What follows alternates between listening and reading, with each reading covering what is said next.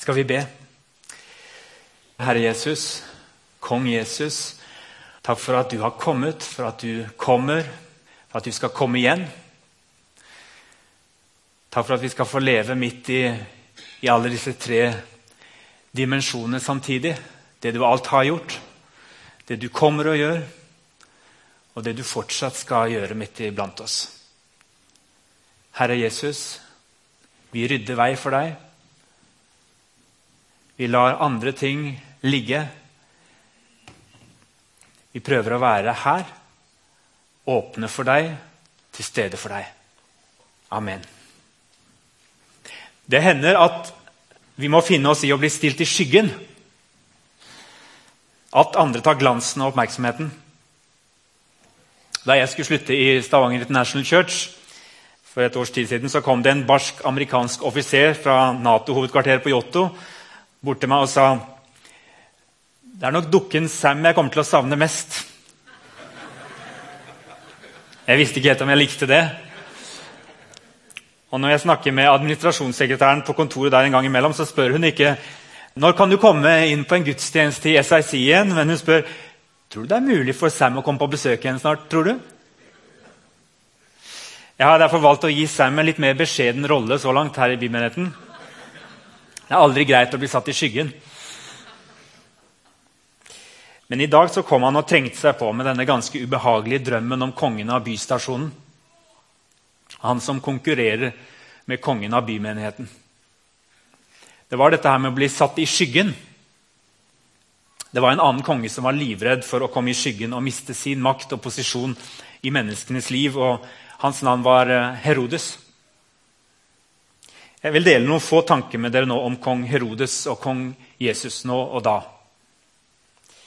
Dere husker fortellingen fra Matteus kapittel 2.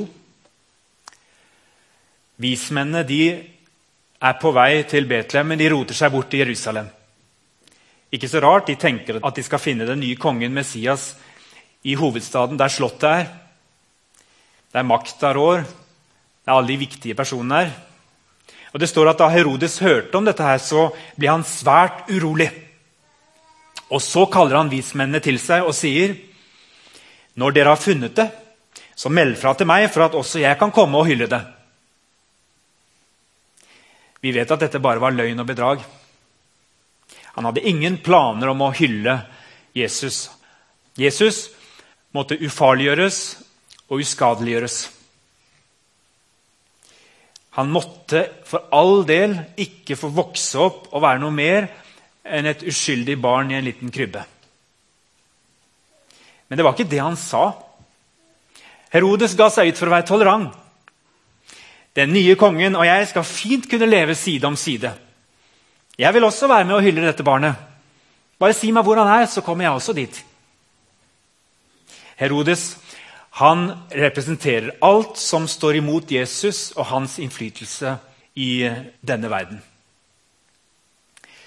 Selv så har jeg tenkt på Herodes og hva han eh, representerer i mitt liv. Så har jeg tenkt Et ord som kommer først til meg, det er framtidsfrykt. Det er så mye vi føler at vi ikke har kontroll over. Jeg tror på et vis at en konge som Herodes, hans mål var å holde folk nede i en slags bekymring for livet. Hvis ikke jeg hersker over dere, hvis ikke jeg bygger alle disse flotte tingene og Jeg har jo til og med bygd et tempel til dere. Gjenreist tempelet. Hvis ikke det er jeg som holder min hånd over alt dette her, så vet vi aldri hva som vil skje. Det er jeg som kontrollerer også romermakten, sånn at det blir sånn passelig. Det er mye uro i Norge nå, og ikke minst i vår region. Det har kommet så veldig fort. Jeg tror vi ble tatt helt på senga alle sammen. At den rikeste regionen i den rikeste del av verden plutselig får vite at det er ikke helt sikkert at uh, vi har full kontroll likevel på oljeøkonomien og arbeidsplassene. Dette kan gå fort nedover. Eller optimistene sier dette går sikkert over. Men noen sier festen den er over. Og så sier en forbrukerøkonom denne uka at, uh, å bruke et uh, fint bilde ja, festen er over, men vi har jo oljefondet. Så det er ikke sånn at vi blir kastet ut av festen. Vi får lov til å gå hjem i trygge ordnede former. Jeg syns det er ganske godt sagt. Vi har levd på en sånn boble. De aller, aller fleste av oss har nytt veldig godt av det. akkurat her hvor vi bor. Også samtidig så tenker vi vel ikke at eh, alt vil gå bedre hvis vi får det dårligere. Framtidsuroen den eh, fester seg i oss, setter seg i oss noen enhver. Hva skjer? Kommer noen av de vi er glad i, til å miste arbeidet sitt? Det kan bli tøft, og det kan bli tøffere tider framover. Mange begynner å bli urolige. Og det er det er ingen grunn til å bagatellisere det for dem det gjelder. Men Samtidig så øver jeg meg på å se disse omstendighetene med troens og håpets blikk. Kanskje ligger det muligheter for oss og mennesker i Sandnes og Stavanger til å søke og lete etter den virkelige kongen på nytt. Søke Jesus. Jeg tror ikke Jesus er et uh, overskuddsfenomen som vi tyr til når alt annet er i orden. Som et julebord som blir avlyst når budsjettene sprekker. Jesus er ikke sånn. Jeg tror ikke han er sånn for mennesker. Jeg er redd for at Jesus' stemme lenge har hatt vanskelig for å bli hørt her i verdens rikeste region, i verdens rikeste land. Kanskje gir dette muligheter. Interessant at i Matteus 6, i bergpreika, så snakker Jesus om bekymringsløshet rett etter at han snakker om det å ikke kunne tjene to herrer, men bare én herre. Det er evangeliet i bergpreika. Veldig ofte så leser vi alt det som står i bergpreika og tenker han legger veldig mye på oss, og det er veldig høye idealer å strekke seg mot, og det er sant. Det er et evangelium for de fattige, men jeg tror det også er et evangelium for de rike. Ingen kan tjene to herrer. Han vil hate den ene og elske den andre, eller holde seg til den ene og forakte den andre. Dere kan ikke tjene både Gud og mammon. Derfor sier jeg dere, vær ikke bekymret for livet.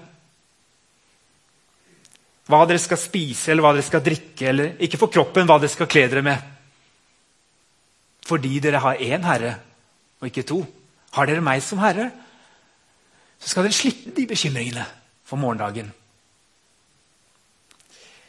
Når Jesus får lov til å være konge i vår liv, så er det et kall til større frihet, ikke mindre. Det er ikke trelldom og underkastelse Jesus inviterer oss til. Det er frihet og bekymringsløshet. Hvem er Herodes i ditt liv? Om det er kong Mammon eller kong Makt eller kong Stress, kong Bekymring eller en av de andre, så husk at når han føler seg truet, så er hans første reaksjon å prøve å feste grepet med listige knep, sånn som den første kong Herodes. I første omgang så kan det hende at eh, vi bare tynges ned, og så må vi minne oss sjøl på om det er motstanderen som hvisker oss i øret og ønsker å trekke oss tilbake, eller, eller sier 'Jeg kan godt være med deg, jeg, inn i ditt møte med Jesus. Bare ta meg med.' Men det er bare noen eh, forposteringer, noen, eh, noen krampetrekninger. Kong Jesus, han kommer og er her og er sterkere. Ikke vær bekymret, sier han. Så tror jeg også at Herodes representerer den tolerante tidsånden som sier jeg vil også være med å tilbe, men som må avsløres som en motstander. Det er han som vil gjøre det som står i hans makt, for å hindre at Jesus får lov til å vokse opp til å bli noe mer enn et trivelig og fredelig barn i krybben. For en tid så måtte Jesus faktisk beskyttes og søke retrett. Det står at faren Josef ble advart i en drøm, og han tok med seg sin familie og flyktet til Egypt. Vi vet ikke nøyaktig hvor lenge de ble der, men de måtte vente til kong Herodes var død. Den hellige familie, som vi også er en del av, de må av og til gjøre det samme. Ja, det er helt konkret for de som opplever forfølgelse, som vi har snakket om tidligere, i noen deler av verden, som faktisk må flykte for å beskytte sitt liv. Og For noen er det et, et nødvendig valg å ta, og noen velger å bli. Jeg tenker også på oss at det av og til er nødvendig å beskytte oss selv og vårt hus, forsake noe for en periode. Når vi merker at det er noe i vårt liv som har fått så stor makt over oss at det truer med å konkurrere om herredømme i vårt liv. Som ikke ønsker at Jesus skal vokse og bli noe stort, men at han skal forbli noe lite uskyldig, ufarlig. Men samtidig så forble ikke Jesus i Egypt. Han kom tilbake med sin familie da tiden var inne. Han vokste opp og ble farlig for noen. For de rike og mektige, også for en del av de religiøse. For de fattige og undertrykte ble han en konge som brakte håp. Og I dag så bruker jeg det som et bilde på, på noe jeg tror vi trenger å bli minnet om. Jesu kongerike er ikke et helt annet sted. Ja, Jesus måtte beskyttes og skjermes for en tid. Den hellige familie ville ikke ha tålt å være i et land hvor kong Herodes ville ha utryddet ham før hans frelsegjerning egentlig hadde begynt. Det er tider da også Jesu etterfølgere står overfor det valget. Skal jeg bli, eller skal jeg reise? Skal jeg flykte, eller skal jeg stå i det? I stormen. Men, men Jesus han kom tilbake med sin familie da tiden var moden. Det var midt iblant oss at han begynte å forkynne at Guds kongerike er nær. Ikke et helt annet sted. Guds kongerike er nær her. Håpet det har sitt utgangspunkt midt i vår egen virkelighet. Og det har ganske store konsekvenser. Akkurat det. Det er ikke vi som skal komme til himmelen. Ja, dere hørte riktig. Det er ikke vi som skal til himmelen, men himmelen som skal komme til oss. La ditt rike komme, ber vi. Skje din vilje på jorden som i himmelen. Guds visjon den er ikke at menneskene skal løftes ut av dette skaperverket for å leve et kroppsløst paradis. Det har Jesu legemlige oppstandelse vist oss. Fra himmelen, der den oppstandende Jesus er nå, en parallell dimensjon, ja, men, men veldig nær oss. Fra himmelen skal han komme tilbake for å opprette Guds kongerike på jorden som i himmelen. Ja, det skal bli en ny himmel og en ny jord.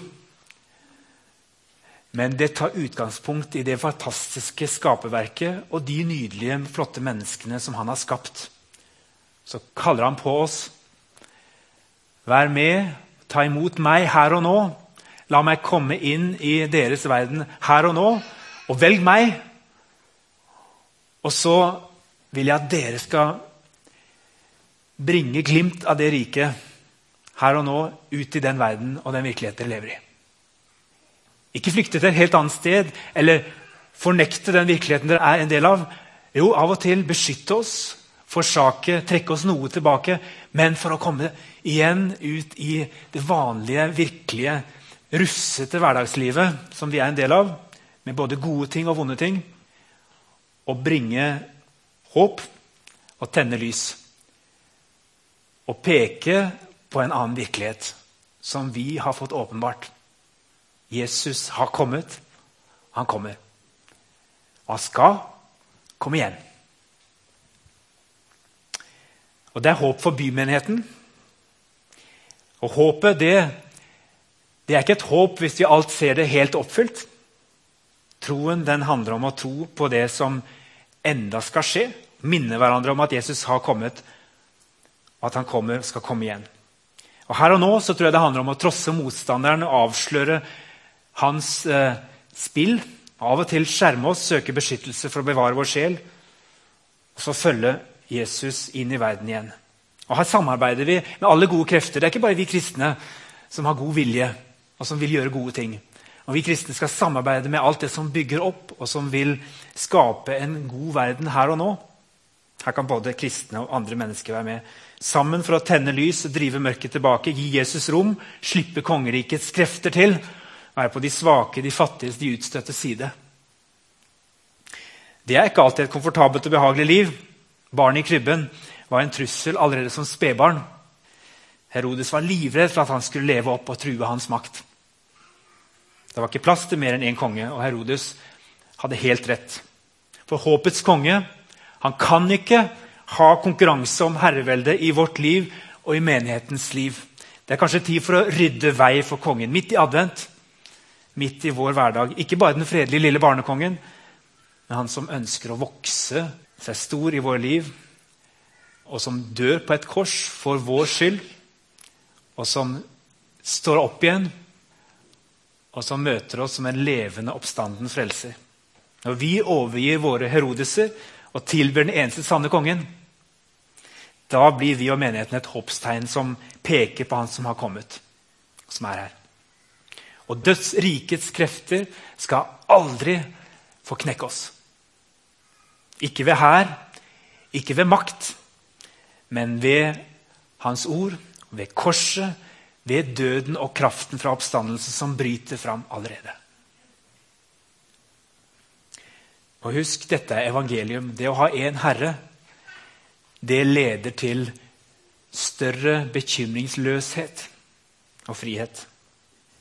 Slipp kontrollen. Gi kongen makt og ære. Vi har nettopp fått tilbake denne menighetsundersøkelsen fra Naturlig menighetsutvikling. Resultatet av den er 30 stykker i menigheten har svart på en del spørsmål, og så kommer det mange gode, interessante fortellinger ut av det. Og Noen av de fikk vi med oss på samlingen sist onsdag. Og så skal vi jobbe videre med det i menighetsrådet og i, i menigheten.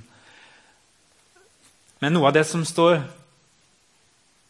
og som på en måte bekymrer meg litt, det er at eh, vi får høre at vi trenger mer håp. At vi trenger mer tro og mer gudsbevissthet.